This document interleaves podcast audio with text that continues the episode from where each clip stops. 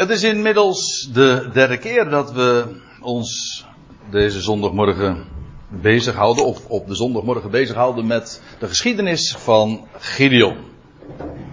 En dit keer uh, gaan we een, een, gedeelte uit die geschiedenis, die we in het boek Richteren aantreffen, uh, bespreken, waarvan ik vermoed dat het misschien wel uh, het bekendste deel ook is van, van zijn memoires, om zo te zeggen. Het gaat over dat wollen vacht dat hij dan legt op de dorsvloer. We zullen het straks eerst even lezen. Dat is uh, gauw gedaan, want het zijn maar een paar versen.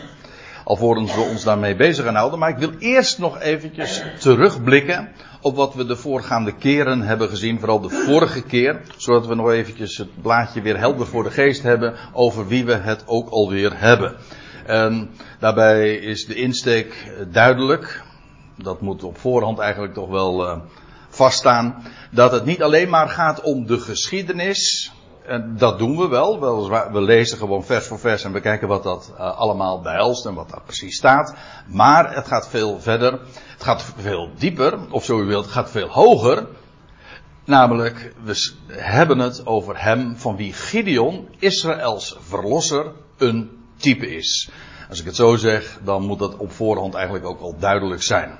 En hoe heel zijn geschiedenis naar hem vooruitwijst. En dat is altijd weer het geval. En een van de grote uh, ontdekkingen, mag ik rustig zo zeggen, met recht een ontdekking. Dat wil zeggen, je neemt de, de bedekking, wordt weggenomen. En onder de oppervlakte wordt dan, ja, dat dat blauwdruk, dat watermerk van de schrift helder. Namelijk, je ziet daarin de opgewekte Christus. En in deze geschiedenis zie je dat heel duidelijk. Ook vanmorgen zullen we dat weer zien.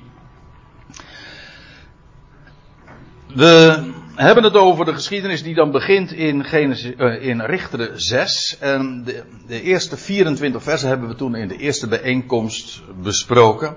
Waarin Gideon geroepen wordt om Israël te verlossen. Israël was het uh, onder de voet gelopen door Midian. En Midian uh, hand drukte zwaar op, op het volk. Zodat zelfs Israël ook zwaar verarmde en het uh, volk werd zeer zwaar onderdrukt. En dan wordt Gideon op een bijzondere wijze geroepen terwijl hij bezig is in de wijnpersbak dorst te. Uh, hoe was het? Ja, te dorsen, ja. ja. Hij dorste. Ja, het was ook erg droog. Uh, nou ja, laat maar.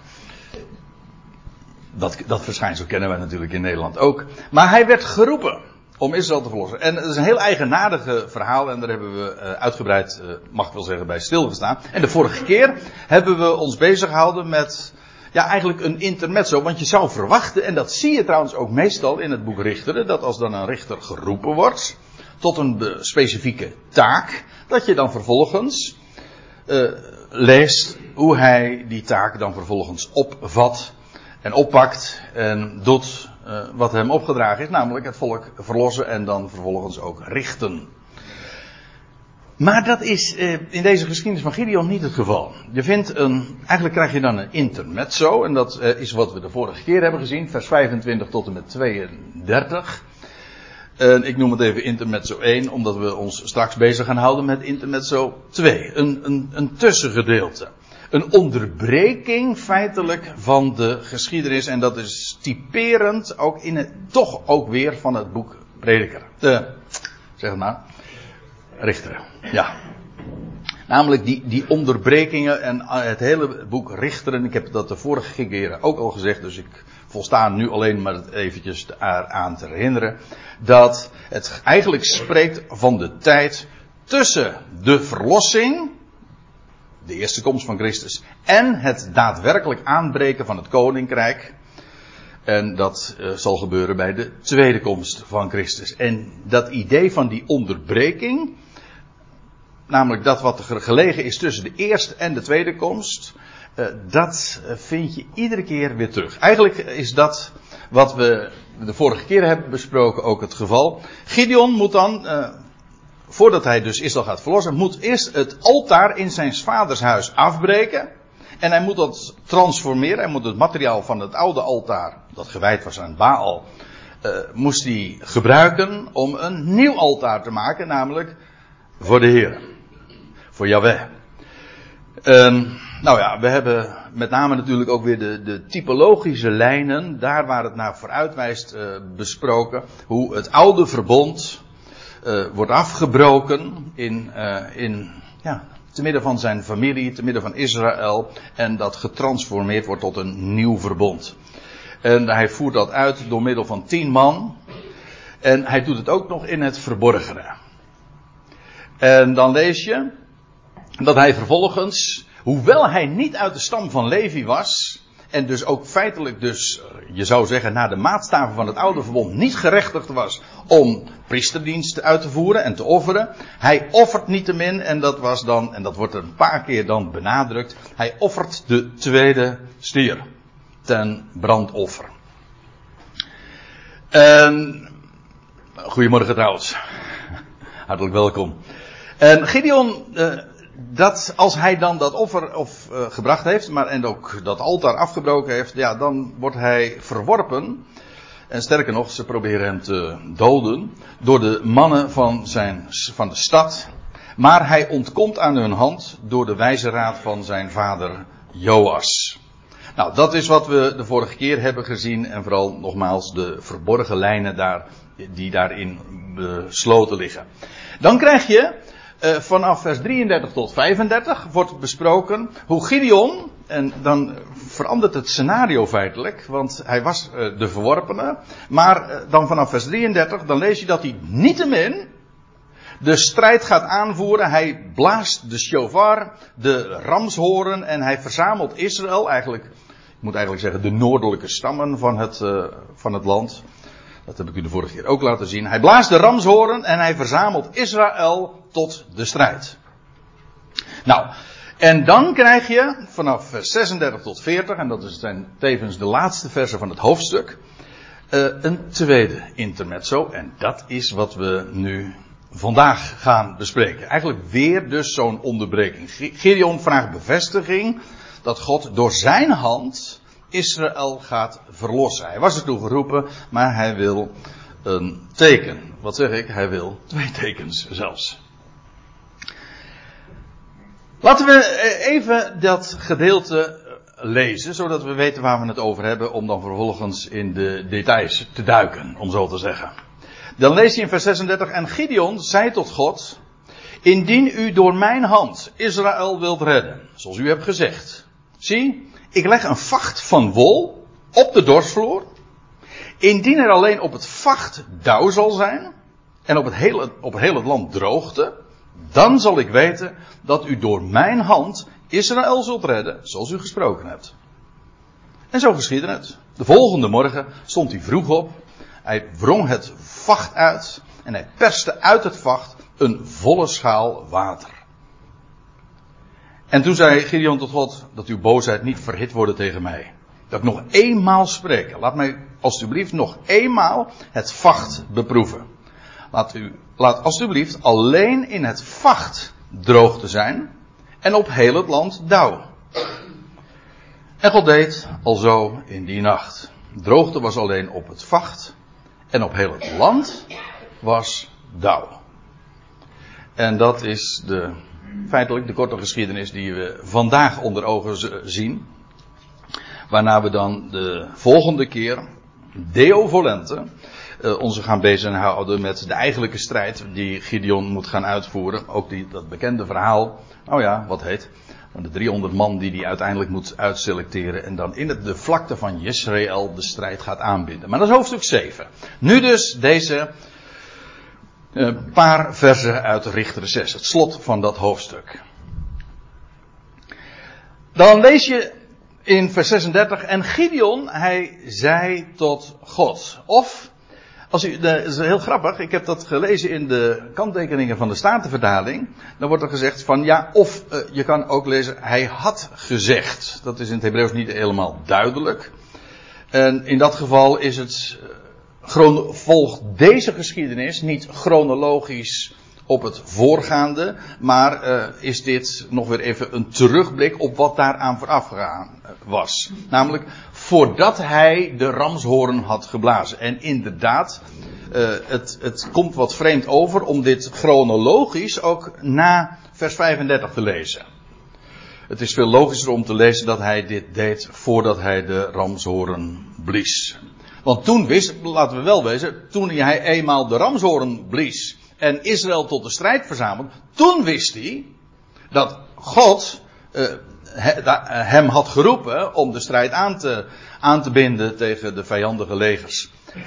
Dus dan is het een beetje logisch, uh, dan is onlogisch om dit uh, als chronologisch opeenvolgend te lezen. Anyway, uh, het doet niet zo heel erg veel ter zake, alleen het is wat begrijpelijker om het zo te verstaan. Dus, en Gideon had gezegd tot God, namelijk op een eerder moment. En dat betekent dus dat dit tweede intermezzo eveneens plaatsvindt na Gideons roeping en voordat hij Israëls, voordat hij Israël verlost. En ik hoop uh, dat u of jij uh, nu met zulke, ik weet niet wat voor oren dat zijn, maar uh, typologische oren dit ook beluistert. Hè? Dus als je leest van, het was na zijn roeping om Israël te verlossen, maar voordat hij dat daadwerkelijk ook doet. En het spreekt ook van de tijd voordat Christus, of te, laat ik het anders zeggen, Christus is geroepen, maar zijn uh, uiteindelijke uh, overwinning op Israëls vijanden, dat en de vestiging van zijn koninkrijk, dat moet nog plaatsvinden. Hou hem even in gedachten. Gideon zei tot, of had gezegd tot God, indien u door mijn hand Israël wilt redden, zoals u hebt gezegd, dus hij doet een beroep op Gods woorden, maar hij uh, is daar dus niet helemaal tevreden mee. En je zou natuurlijk, laat ik, voordat ik nu verder ga, nog eventjes deze opmerking maken. Want uh, het is mij opgevallen dat heel veel mensen, ook uh, uitleggers of in. dat is typisch ook misschien een, het klinkt wat laatdunkend, zo bedoel ik het niet. Maar een, de zonderschoolversie. door zo'n geschiedenis dan lezen en dan meteen praktisch op onszelf toe te passen. Wat kunnen we van zo'n geschiedenis leren? En dan is de strekking heel, uh, kun je daar, ja, god, dat ligt voor het op, uh, oprapen. Dat is dus echt een oppervlakkige lezing. Als je dan zo'n conclusie meteen trekt. Van nou, als, je, als dingen nou niet duidelijk zijn in je leven en je wil weten van, God, welke kant moet ik nou eigenlijk op? Die kant of die kant? En ja, u hebt dat nou wel gezegd, maar wilt u mij een teken geven? Nou zal je niet zo gauw op het idee komen om een schaapsvel op de dorsvloer te leggen. Zowel het een als het ander is niet zo direct voorhanden. Maar dan is de gedachte van, nou ja, eh, ik ken trouwens mensen hoor. De, of in ieder geval, ja, ik ken wel, ik heb meerdere verhalen gehoord in die, in die sfeer. Weet je, dingen zijn niet duidelijk en dan leg je aan God voor. Nou, weet u wat, ik maak met u deze afspraak. Als, als het zo gebeurt, dan ga ik dat doen. Als het niet gebeurt, nou dan, uh, pech. Uh, dan gebeurt het dus niet. Uh, en daaruit dan afleiden wat Gods weg is. A, uh, dat lijkt me niet alleen om, het, om die conclusie uit deze geschiedenis te trekken. Het is trouwens wel zo, en dat moet ik erbij eventjes ten voordele ook van Gideon zeggen. Gideon wordt in de schrift ook voorgehouden als een man van geloof. Je leest het in Hebreeën 11. Zijn naam wordt daar ook genoemd. En, en, en hij baseert zich hier ook van, ja, u hebt het gezegd. Hij vraagt alleen een bevestiging in, maar de echte betekenis zit hem niet in dat wat ik ervan uh, kan leren of eventueel van kan kopiëren en uh, hoe ik dat kan toepassen in het leven. Weet u, dat is zo'n typische, ja, ik noem het uh, egocentrisch, of zal ik het nog duurder zeggen, antropocentrische lezing van de schrift. Dat wil zeggen, eigenlijk gaat die hele schrift over mij, wat ik moet doen, of eventueel niet moet doen. Maar dan ben ik dus feitelijk uh, het brandpunt van die hele de schrift. Nou, van die gedachte moet je gewoon af. Daar gaat het niet over. Je moet uh, juist, een van de dingen die je zou leren, is dat het gaat niet om mij. Het, trouwens, het, het geweldige is als je eenmaal gaat inzien waar het werkelijk om gaat, dan, juist dan kom je ook tot je bestemming.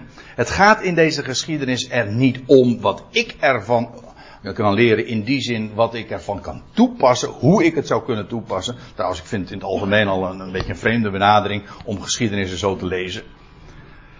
Maar, want ja, dan kun je ook weer een heel andere geschiedenis lezen en dan zou je een exact tegenovergestelde les uit kunnen trekken.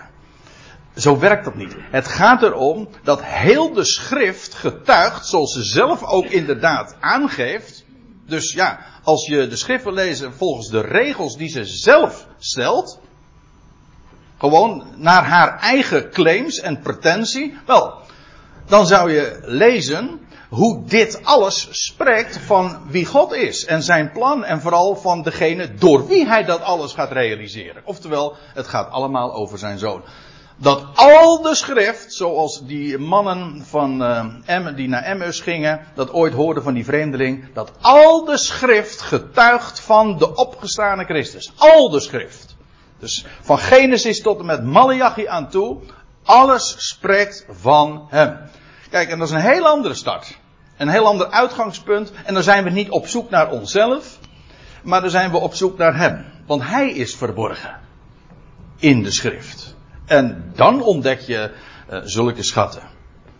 Enfin. Uh, Gideon zei dus tot God: Indien u door mijn hand, ervan uitgaande dat u door mijn hand Israël wilt redden, zoals u hebt gezegd, zie, ik leg een vacht van wol op de dorsvloer.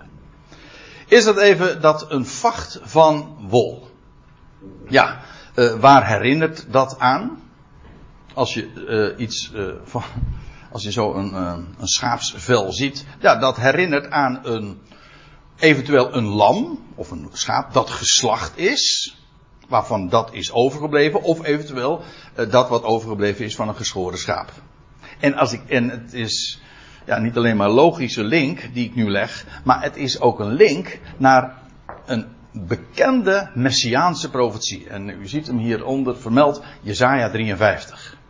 Daar vind je, dat is dat is echt een regelrechte profetie uit de, uit de mond van Jezaja, eeuwen van tevoren, waarin hij al aankondigt wie de knecht van Yahweh zou zijn, de Messias.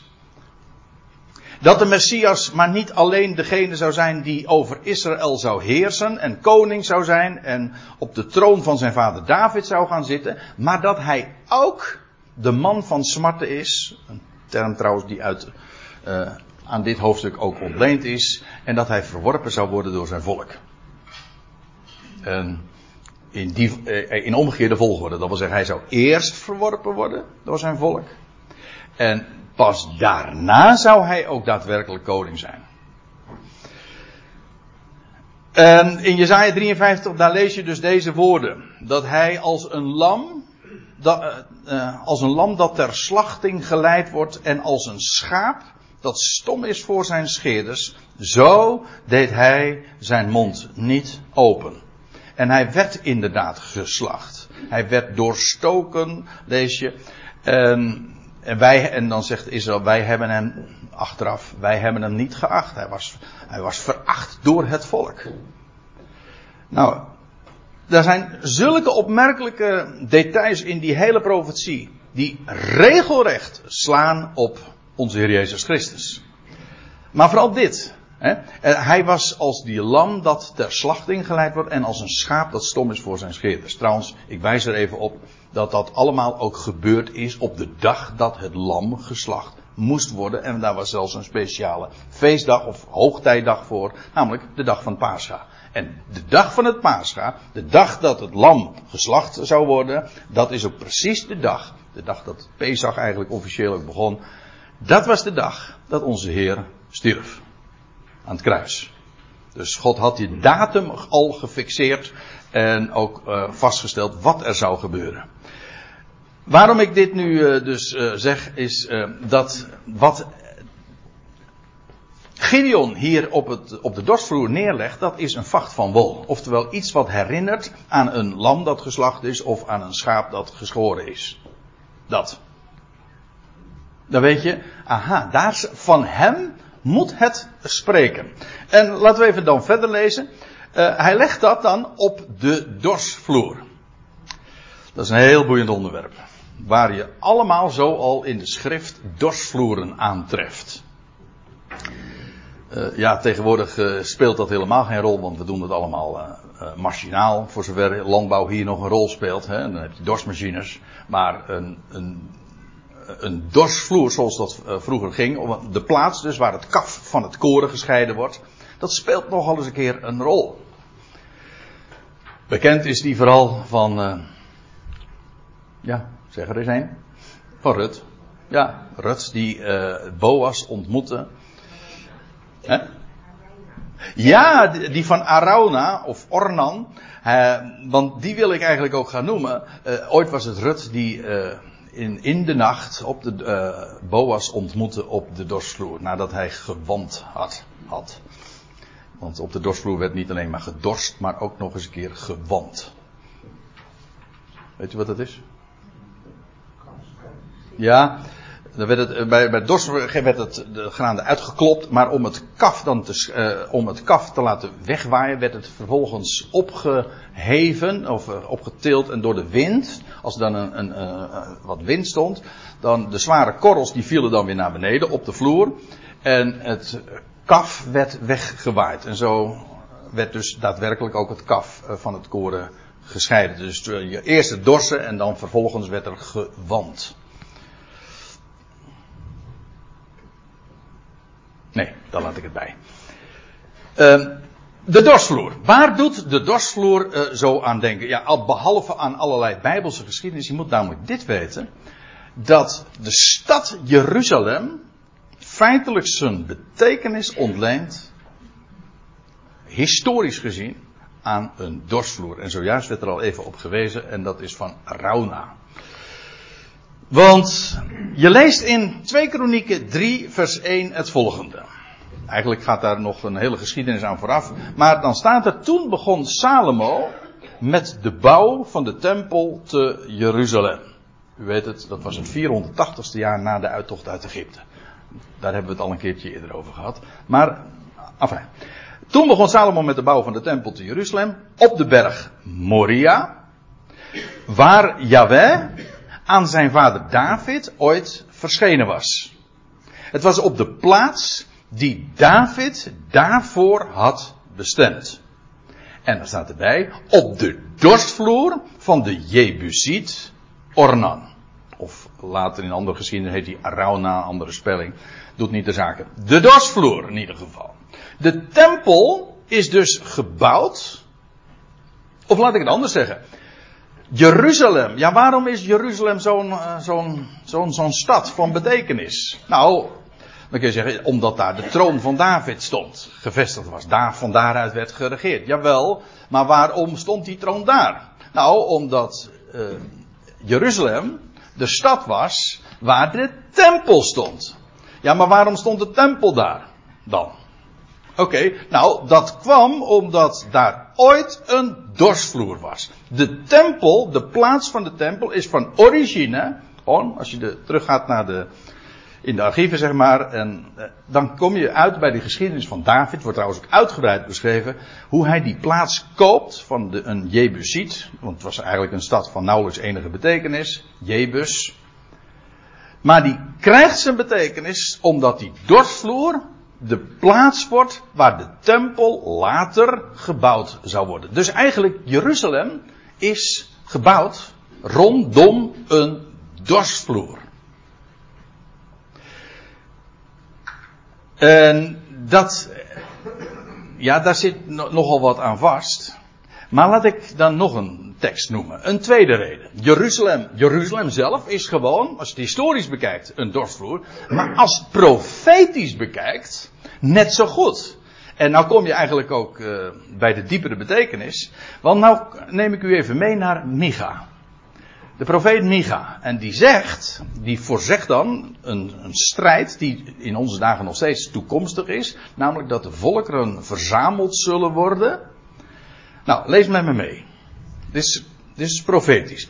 Wel uh, staat er dan, ik val natuurlijk midden in de tekst. Wel zijn nu vele volkeren tegen u, en dan gaat het over Jeruzalem, vergaderd. Die zeggen, zij, dat wil zeggen Jeruzalem, worden ontwijd. En mogen onze ogen, de vijandige ogen die zijn gericht op die stad die zij willen ontwijden en willen verwoesten. Mogen onze ogen zich aan Zion verlustigen. Dat wil zeggen, we gaan die stad helemaal, eh, gaan wij mee doen wat wij ermee willen. Heel wat profetieën gaan over deze gebeurtenissen. Wat daar in die stad nog gaat plaatsvinden. Over trouwens niet al te lange tijd. Maar lees, dit is hun plan. dit is het, uh, het idee, zeg maar, van de VN. Hm? Van de natieën. Die dan inderdaad zo'n plan hebben voor Jeruzalem. Mogen onze ogen zich aan Sion verlustigen. Maar staat er dan heel laconiek. Zij kennen de gedachten van Yahweh niet. En verstaan zijn raadslag, zijn bedoeling, zijn, zijn uh, plan daarover niet. Zij verstaan zijn raadslag niet. Dat hij hen verzamelt. Zij denken dus dat zij optrekken, hè, want zij hebben een plan opgezet en zij hebben een strategie ontworpen en zij hebben de boel gemobiliseerd en zij denken van nou wij komen in actie en wij gaan doen wat wij ons hebben voorgenomen. Nou, forget it. Dat zo is het helemaal niet. Waarom, waarom redeneren ze zo? Wel, zij kennen gewoon de raadslag van Jawel niet. Die trouwens, en dat lees je in Psalm 2, dat gaat trouwens over dezelfde tijdsperiode ook. En dan staat er die in de hemel zetelt, die lacht. Die heeft daar, weet u waar de Heer zich om amuseert? En waar die echt, ja, ja, zo zegt de Bijbel dat. Ik, ik hou er ook trouwens van om eraan te denken. De Heer amuseert zich ontzettend aan alle plannenmakerij van de mens. Er is ook een liedje, die, een popsong die dat zegt van, uh, dat, uh, hij, dat, dat hij alleen maar lacht toen ik hem mijn plannen vertelde. Nou, ik, ik, ga geen poging doen om de tekst, hè? Robbie Williams, juist, dat was hem. Die dat dan zingt. En zo is het maar net. Als je, als je, als je God aan het lachen wil krijgen, als ik het even heel oneerbiedig mag zeggen, maar u begrijpt wat ik bedoel, dan moet je hem zijn plannen vertellen. Oh, jouw plannen vertellen, sorry. Ja. Maar wat het idee is, zij denken actief dus Jeruzalem te ontwijden. In werkelijkheid is, eh, zijn zij helemaal, is, zijn zij niet degene die actief dat doen, maar zij worden verzameld. En dan staat erbij als schoven op de dorsvloer. Daar worden, u weet, nou ja, je kunt je voorstellen hoe dat zeg maar van ouds en klassiek in zijn werk ging. Dat als daar dan de, de tarwe of de, de gerstenoogst in omgekeerde volgorde trouwens uh, binnengehaald werd. Ja, dan werden dat allemaal, werden daar schoven allemaal gebracht op de dorsvloer. En daar moest het kaf van het koren gescheiden worden. Nou, dat gaat in de eindtijd gebeuren. Waar? Wel, Sion. Jeruzalem. En daar wordt het kaf van het koren gescheiden. En dus dan begrijp je ook waarom daar nog een veel diepere zin ook in gelegen is. Namelijk dat Jeruzalem in feite een dorsvloer is. Dat is namelijk de plaats die God bestemd heeft om inderdaad het kaf van het koren te scheiden. En hij, al, dan, dan straks dan brengt hij al die volkeren als schoven op de dorsvloer daar bijeen. En zij maar denken dat zij actief zijn in het volvoeren van hun plannen. No way. Zo gaat het niet. Hij is, hij voltrekt zijn plan en hij heeft zijn eigen gedachten en hij heeft zijn eigen raadslag. Hij verzamelt hen, maar het gaat er nu even om, als schoven op de dorstvloer. En dat is bij Zion. De bergen van Zion. Dus dat is een prachtige gedachte. Heeft, kijk, nou zou je natuurlijk kunnen zeggen, maar heeft de schrijver van uh, uh, Richter, het boek Richteren, wie, dat dan ook geweest is, uh, heeft hij dat dan allemaal in gedachten gehad? Nee, ongetwijfeld niet. Maar daar gaat het niet om. Het gaat er niet om of de schrijver van het boek Richteren dat wist. Die, hij tekende het op. Ik weet alleen wel dat de schrift geïnspireerd is door die ene God. En die heeft het zo allemaal laten optekenen. En ja, zo is de geschiedenis ook gegaan. Omdat dit een betekenis heeft. Als, nou, we gaan weer even terug. Gideon die zegt dus, ik leg een vacht van wol. We weten waar het van spreekt. van het lam dat geslacht is, van het hem die als een schaap uh, geschoren werd, op de dorsvloer, oftewel daar in Sion. En nou zegt hij, indien er alleen op het vacht dauw zal zijn en op heel het land droogte, dan zal ik weten dat door u, door mijn hand, Israël zult redden, zoals u gesproken hebt. Dan komen we nog op iets. Wat hij dus vraagt is, dauw. Maar dan wel zodanig dat het alleen op dat schaapsvel ligt en op het omliggende land, die dorsvloer en wat daaromheen is, droog. Dat is het wonder dat hij dus, het teken dat hij vraagt. Nog even, we hebben al stilgestaan bij de diepere betekenis van dat vacht van wol. Op de diepere betekenis van de dorsvloer. Maar nu nog iets. Wat is die betekenis van dauw? Ja, wat is dauw? Nou, uh, laat ik het dan maar meteen zo zeggen. Het is een type van zegen. Wat trouwens, uh, daar heb je niet veel fantasie voor nodig om dat te begrijpen. Want ja, alle zegen komt van boven. Was er niet ooit een televisieprogramma of serie dat zo heette? Alle zegen komt van boven. Ja, van waar anders? Maar het is ook een. Het komt. De Bijbel spreekt trouwens ook altijd over, of heel dikwijls, over de dauw des hemels. En je leest ook in de profetieën dat God zijn, uh, het land zou geven dauw van de hemel. En dan wordt er zelfs in de, ergens in de profeten ook gezegd van ja, uh, Israël en, en, en, de woest, en de woest, heel de woestijn, dat geldt trouwens voor dat hele land, het Midden-Oosten, dat gaat bloeien als een roos, staat er. En dat zal niet gebeuren, staat er dan ook bij, door irrigatiewerken. Maar door de dauw des hemels, dat wil zeggen dus een compleet veranderend klimaat. Dus, dus niet door de, de inventiviteit van, van, de, van de Joden die daar geweldige irrigatiesystemen en waardoor het land inderdaad weer gaat bloeien. Nee, God zegt, ik doe het. Ik doe het. Eigenlijk, eh, eigenlijk is daarmee ook gezegd van, het komt niet van beneden, het komt van boven. En gewoon door dauw, door regen. Door, ja, dus dat wat van boven neerdaalt. En als type uiteraard ook dat het van hem komt. Alle regen komt van boven. Niet waar? En daarmee is het ook een type, ja, niet alleen van zegen, maar ook concreet van leven. Want door dauw uh, wordt de, de aarde en het gewas bevochtigd. En daardoor uh, komt het ook tot groei en komt het tot overvloed. De eerste keer dat het woord dauw, in het Hebreeuws is dat woord tal, ik had ooit een eh, Joodse collega, een Israëlische collega, en die had de achternaam Tal. Niftal. En Tal is het Hebreeuwse woord voor dauw dus. De eerste keer dat dat woord Tal wordt gebruikt in het Nieuwe Testament, eh, pardon, in het Oude Testament, dat is in Genesis 27.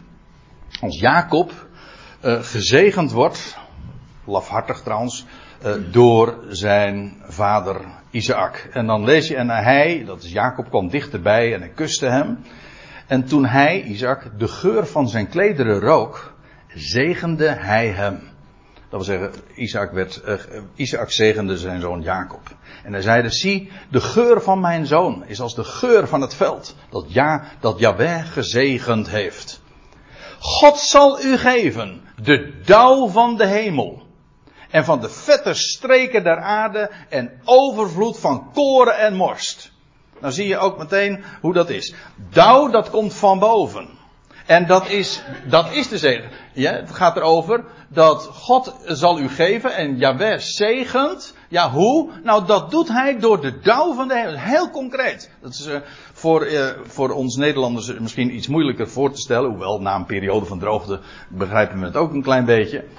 Maar uh, in het Midden-Oosten en in zoveel landen in de wereld is het volstrekt helder dat een mens afhankelijk is inderdaad van dat wat hij van boven geeft.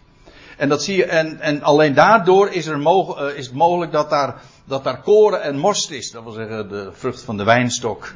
Niet alleen maar eten en drinken en vreugde en overvloed. Nou, dat is waar dat tal, dat dauw van spreekt. Het spreekt van leven, want door dauw wordt dood leven. Woeste, een woestijn, wat komt tot leven door de dauw van de hemel. Dus Dauw is een beeld van zegen, jawel, en nog meer van leven. En van, daardoor ook van vrucht, want dat brengt leven nu eenmaal met zich mee en voort.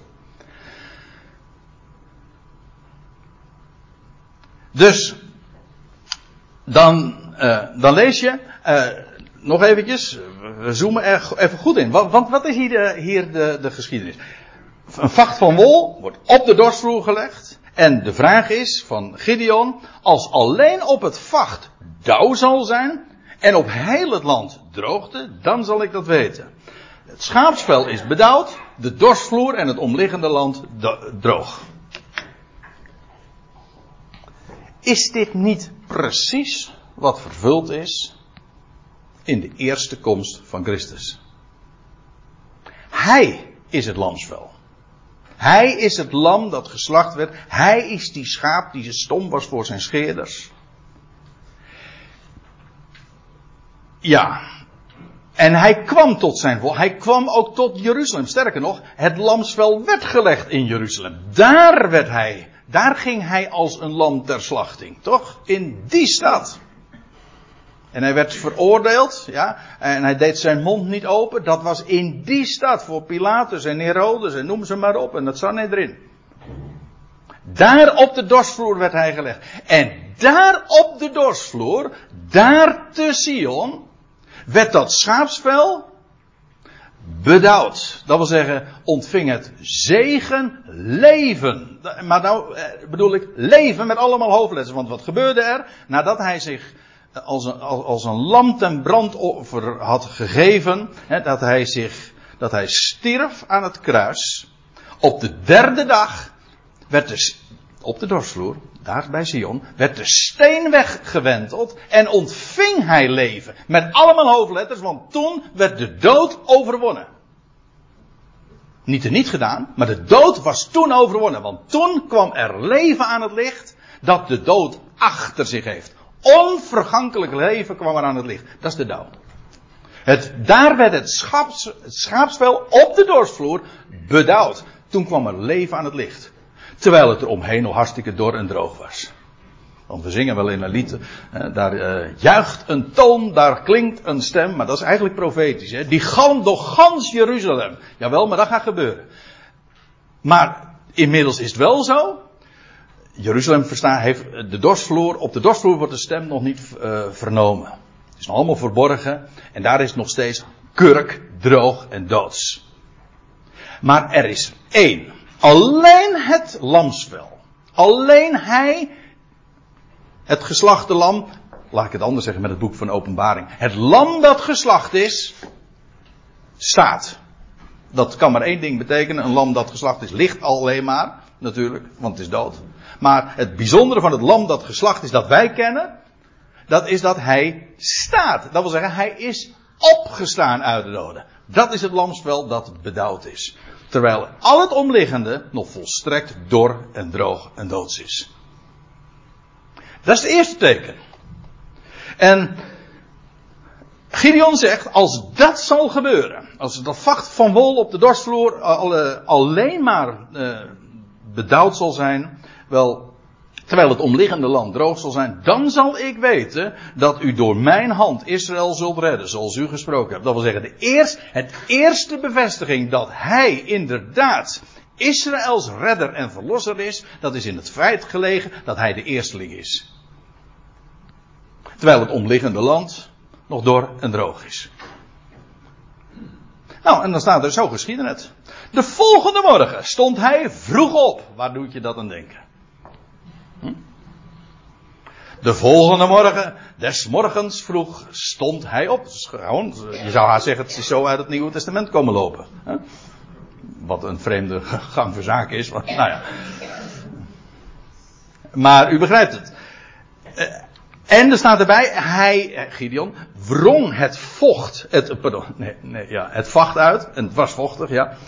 Uh, zodanig, het was echt drijfnat, dat is het idee. Want er staat, hij wrong het vacht uit. En hij perste het uit het vacht. En hij heeft het, bewaard. Want er staat er, het was een volle schaal of een, grote beker water. Terwijl dus het land droog was. Alleen dat schaapsvel was vol van dauw. Zodanig dat er een. Nou, laten, we het eventjes zo op een rijtje zetten. Het was vroeg in de morgen. Oh, nou moet ik het wel goed zeggen. Het was vroeg in de morgen. Het was op de dorsvloer. In Jeruzalem dus. Hè, want daar spreekt het van. Het was in het schaapsvel. En wat in dat schaapsvel, dat herinnert aan de slachting. Daar was een volheid van leven. Een volle schaal. Water, dauw, zegen, leven van de hemel. Ziet u hoe, in het, hoe geschiedenissen in het Oude Testament. Werkelijk, ik heb er al een paar keer op gewezen, ook in de aan de hand van deze geschiedenissen.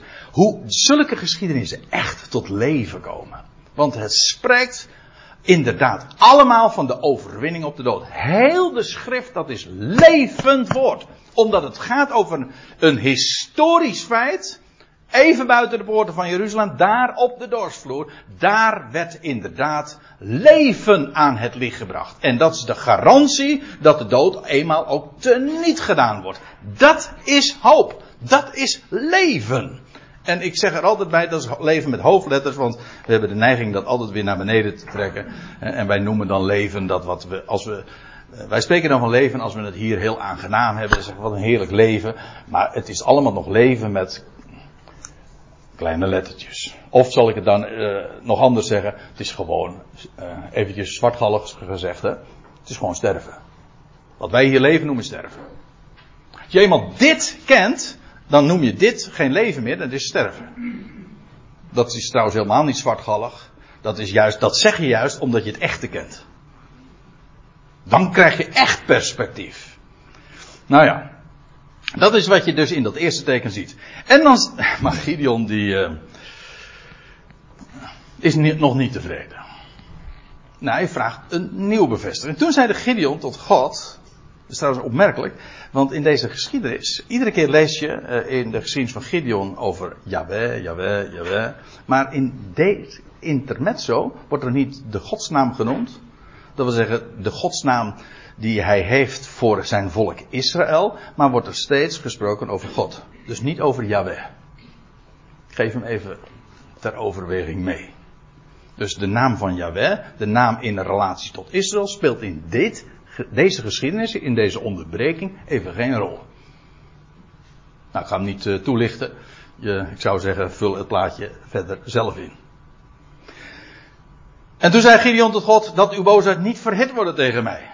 Want ja, het is nogal wat om nou eh, nog verder te, uh, te, gaan vragen. Want dit was toch wel na de roeping al inmiddels. Die ook wel zo wonderlijk was gegaan. En na dit teken.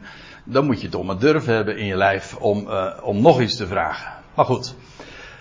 Dat ik nog eenmaal spreek. Laat me alsjeblieft nog eenmaal het vacht beproeven. Dus het gaat eigenlijk om dat vacht. Hè? Het vacht dat dus inmiddels al helemaal op een wonderbaarlijke wijze bedouwd was. Dat is toch een Nederlands woord, hè? Ja, bedouwd was.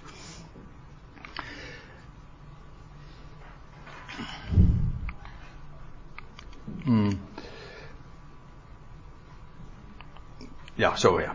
Uh, laat mij alstublieft nog eenmaal het vacht beproeven. Laat alstublieft alleen in het vacht droog te zijn en op heel het land dauw. Nu vraagt hij dus, uh, dat, dat, dat vacht, dat is al bedouwd. Dus nu, zou, nu hoeft dat niet meer geraakt worden. Nu, het volgende teken is dat op het heel het land dauw is. Dus precies omgekeerd. En God deed alzo in die nacht. Dat was dus de tweede nacht. Oftewel, Wanneer kwam die erachter? Op de derde dag, ja. Na de tweede nacht. Nou, dat moet ook veelzeggend zijn. U zegt, ja, maar het wordt hier toch niet geteld? Nee, maar we worden geacht zelf te kunnen tellen. Dit was na de tweede nacht, dus op de derde dag. En ik, ik heb er expres maar eventjes de schriftplaats bij genoemd. Hosea 6, waar, uh, waar gesproken wordt over Israël. Dat na twee dagen op de derde dag tot leven zou komen. Waarbij het, met andere woorden, kijk, Jezus Christus de eersteling, het schaapsvel. Hij stond op op de derde dag, jawel. Maar Israël als volk staat ook op op de derde dag, alleen dan op een, uh, in de, op een hoger of een ander niveau. Dat wil zeggen niet in de dag in de sfeer van 12 uren, maar een dag in de, als, zoals God ook rekent, namelijk als een millennium. Voor hem is één dag als duizend jaar. En dan krijg je dus het verhaal dat Israël na 2000 jaar, na twee millennia, tot leven gebracht wordt. En dat is, maakt de tijd waarin wij leven natuurlijk zo markant, want wij zitten gewoon aan, aan, de, aan het einde van die twee millennia. En dat hoeven we nu helemaal niet eens op het jaar nauwkeurig te berekenen, maar we zitten er gewoon aan het eind.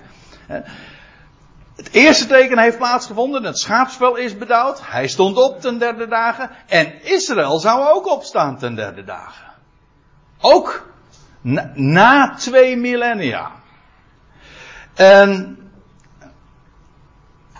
en daar had inderdaad dat tweede teken ook over, want er nou staat er, en droogte was alleen op het vacht, hè, dat reeds wonderbaarlijk bedouwd was. Dat is eigenlijk, uh, als, ik, als ik het goed versta, dus typologisch de, de gedachte, dat, dat, dat schaapsveld, dat was reeds bedouwd. En nu was heel het land uh, bedouwd. Hè? Op heel het land was dauw. Dus, wat eerst alleen het schaapsveld ten deel viel, namelijk dauw, zegen, leven, met allemaal hoofdletters, opstandingsleven, dat valt nu, na die tweede nacht, ten deel aan heel het land. Of zo u wilt, heel de aarde, maar ik heb u al eens vaker uitgelegd, het woord aarde en land is in het Hebreeuws en in het Grieks, gewoon in de Bijbelse talen dus, gewoon hetzelfde woord. Het land is gewoon het droge. En dat kan één specifiek stuk land zijn, maar gewoon ook het land in het algemeen. Haaretz staat hier. Gewoon dat, en dat is de aarde of het land. Dus, eerst het schaapsveld bedouwd, daarna heel het land. Of zo u wilt, heel de aarde bedouwd. Dat gaat gebeuren. En in die volgorde ook. En zoals het eerste teken spreekt van de eerste komst van Christus, zo spreekt het tweede teken van de tweede komst van Christus. En nou neem ik u mee tenslotte naar je, naar Psalm 133. En we lezen de hele psalm, maar dat is niet zo lang, dat zijn maar drie versen. En er zijn er onder u, en ik hoor er ook bij, die het in, eh, op zijn Hebreeuws kunnen zingen. Hinematov umanaim, Shevet Achim Gam Dat zo is het. En dat is, ziet hoe goed het is, hoe liefelijk het is als broeders ook tezamen wonen. En waar het deze psalm over gaat, is als het huis van Jacob, de broeders van, uh, ja, de twaalf broeders, die, waar zoveel onmin is en toestand is geweest, als die weer tezamen zullen wonen in het land. Het is natuurlijk helemaal, het is in het algemeen een prachtig plaatje als daar huiselijke vrede is. Als daar, als, als het gezin, de familie, het huis, de broeders samen leven, samen wonen. Hoe lieflijk, hoe goed is het. En dan staat erbij een hele eigenaardige vergelijking. Vergelijkingen. Nou ja, op het eerste gezicht. Want daar zit zoveel in. Ik, sta, ik, ik, ik, wil alleen maar een paar dingen even aanstippen. Die van belang zijn om uh, in relatie ook met die dorsvloer en dat schaapsvel. Uh, het wordt vergeleken met, in vers 2. Het is als de goede olie. Op, oh, dat moet zijn het. Op het hoofd neerdalende op de baard. Op de baard van Aaron. Die neerdaalt op de zoom van zijn aangemeten klederen. Van zijn uniform, zeg maar, van zijn hoge priesterlijk gewaad. Waaraan wordt hier gerefereerd? Uh, hier wordt gesproken over de broeders die tezamen wonen en dat het zo goed is en zo liefelijk. En het is profetisch ook. Het wordt vergeleken met de, ja, de installatie, om zo te zeggen, van Aaron. Ooit werd Aaron gesteld tot Israëls hoge priester. Hoe? Nou, hij werd gezalfd. Niet met een paar druppeltjes, maar het ging echt uh, goede olie. Dat wil zeggen olijfolie. Hè? Olijfolie werd op zijn hoofd, uh, kwam op zijn hoofd terecht, werd uitgegoten uit een hoorn, lees je dan. En dat daalde neer op zijn baard. Hè. Ja, waarom dat zo gezegd wordt, maar goed, het was de, ba de baard van Aaron en het daalde dan vervolgens, ja, je ziet het zo voor je, als dat zo rijk, als dat die olie dan zo rijkelijk vloeit, als hij ge, gezalfd wordt. Laat ik het anders zeggen. Hij werd gezalfd met olie. Dus ik zou het ook kunnen zeggen, hij werd dus eigenlijk een Mashiach op zijn Hebreeuws gezegd, is gezalfd exact hetzelfde als Mashiach of Messias, of op zijn Grieks Christus. Hij werd gemaakt tot Christus. Hij werd tot hoge priester gesteld. Namelijk doordat hij olie ontving. Hij werd gezalfd met olie. En dan moet u nog iets weten. En dat is dat olijfolie een type is. We hebben het er al vaker over gehad. Een prachtig type is van onvergankelijk leven. Op allerlei manieren. Op allerlei manieren is olijfolie, ik ga dat nu verder niet uitleggen, ik ga er even vanuit dat dat bekend is. Olijfolie is een type van onvergankelijk leven. Hoe werd Aaron hoge priester? Wel doordat hij gezalfd werd. Hoe krijgt Israël zijn eigenlijke, definitieve hoge priester? Wel doordat de Messias opgestaan is uit de doden, doordat hij onvernietigbaar leven krijgt, kreeg. En als u het na wil lezen, in Hebreeën 7 gaat daar eigenlijk een heel hoofdstuk over. Hoe on, de, de ware hoge priester, hoge priester is geworden, niet krachtens staat er ach, uh, een wet van vleeselijke afkomst, maar krachtens onvernietigbaar leven. Dat wil zeggen, hij stond op uit de doden en sindsdien is hij is als hoge priester. Aha, maar dat betekent eigenlijk dat hier vers 2, de olie die op het hoofd van Aaron neerdaalt en waardoor hij Israëls hoge priester werd, een type is, feitelijk, van Gideon. Of, eh, nou ja, het parallel loopt met dat eerste teken van Gideon. Namelijk, het lamsvel dat werd bedouwd. Oftewel, de Israëls hoge priester die uh, met olie gezalfd werd. Die onvergankelijk leven ontving. Hebt u hem? Anders moet u nog een keertje naluisteren. Maar de parallel is gewoon heel evident. In beide gevallen, typologisch, in beeld, spreekt het van exact hetzelfde eh, verhaal. Namelijk van Jezus Christus, die opstond uit de dood en daardoor Israëls hoge priester ook is. Maar u vraagt zich nu nog af, uh, waarom haal je dit nu aan in verband met die dauw? Nou, dan lezen we nog een vers. Uh, het laatste vers, namelijk van Psalm 133. Dan staat erbij, het is als de goede olie op het hoofd van, van, van Aaron enzovoort. En dan de tweede, het is als, de, als dauw van Hermon, die neerdaalt op de bergen van Zion. Zoals de dauw neerdaalt op de, uh, op, op de Hermon. En de, deze berg tot, uh, tot leven en tot bloei en uh, tot overvloed brengt. Die dauw van de Hermon zal neerdalen op de bergen van Zion.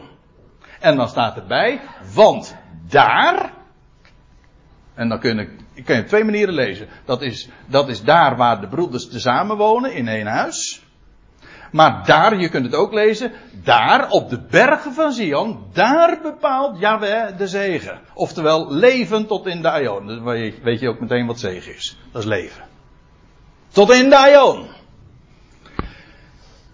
En dit, zoals vers 2 samenvalt met het eerste teken, Aaron die gezalfd werd, valt samen met het lamspel dat bedouwd werd, zo valt dit, vers 3, de dauw van de Hermon die neerdaalt op de bergen van Zion, oftewel op de dorsvloer.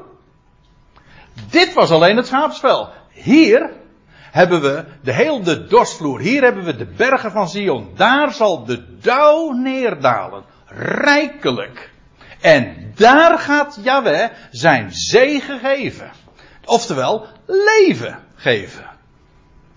Zodat als op die derde dag, na die twee nachten, Gideon wakker wordt en s'morgens weer vroeg opstaat en hij ziet dan dat hele land bedauwd, dan spreekt dat inderdaad van de dauw die neertaalt op de bergen van Zion. Daar op de dorsvloer. Daar zal de Heer zijn zegen gegeven en daar zal hij leven geven. En dan niet alleen op de bergen van Zion, op heel het land, ja wat zeg ik, heel de aarde zal dat leven ontvangen. Je ziet het, het gaat in etappes. Eerst het lamsvel. daarna uiteindelijk het geheel. Wij leven nu in die onderbreking. Het eerste teken heeft plaatsgevonden. Het tweede teken, dat moet nog plaatsvinden en gaat ook binnenkort gebeuren. Namelijk na twee dagen. Hè? Na de twee millennia. Dus het, wordt, het gaat erom spannen. Dus daar zien we naar uit. Dat is Gods programma. En het geweldige is van zo'n zo'n geschiedenis, zo'n wonderlijke geschiedenis, misschien een mooi zonderschoolverhaal, dat daar zo'n diepgang in zit. En dat daar zo'n sprake van uitgaat. En dat het inderdaad spreekt van hoop en van leven dat sterker is dan de dood. Zullen we daarbij laten voor vanmorgen?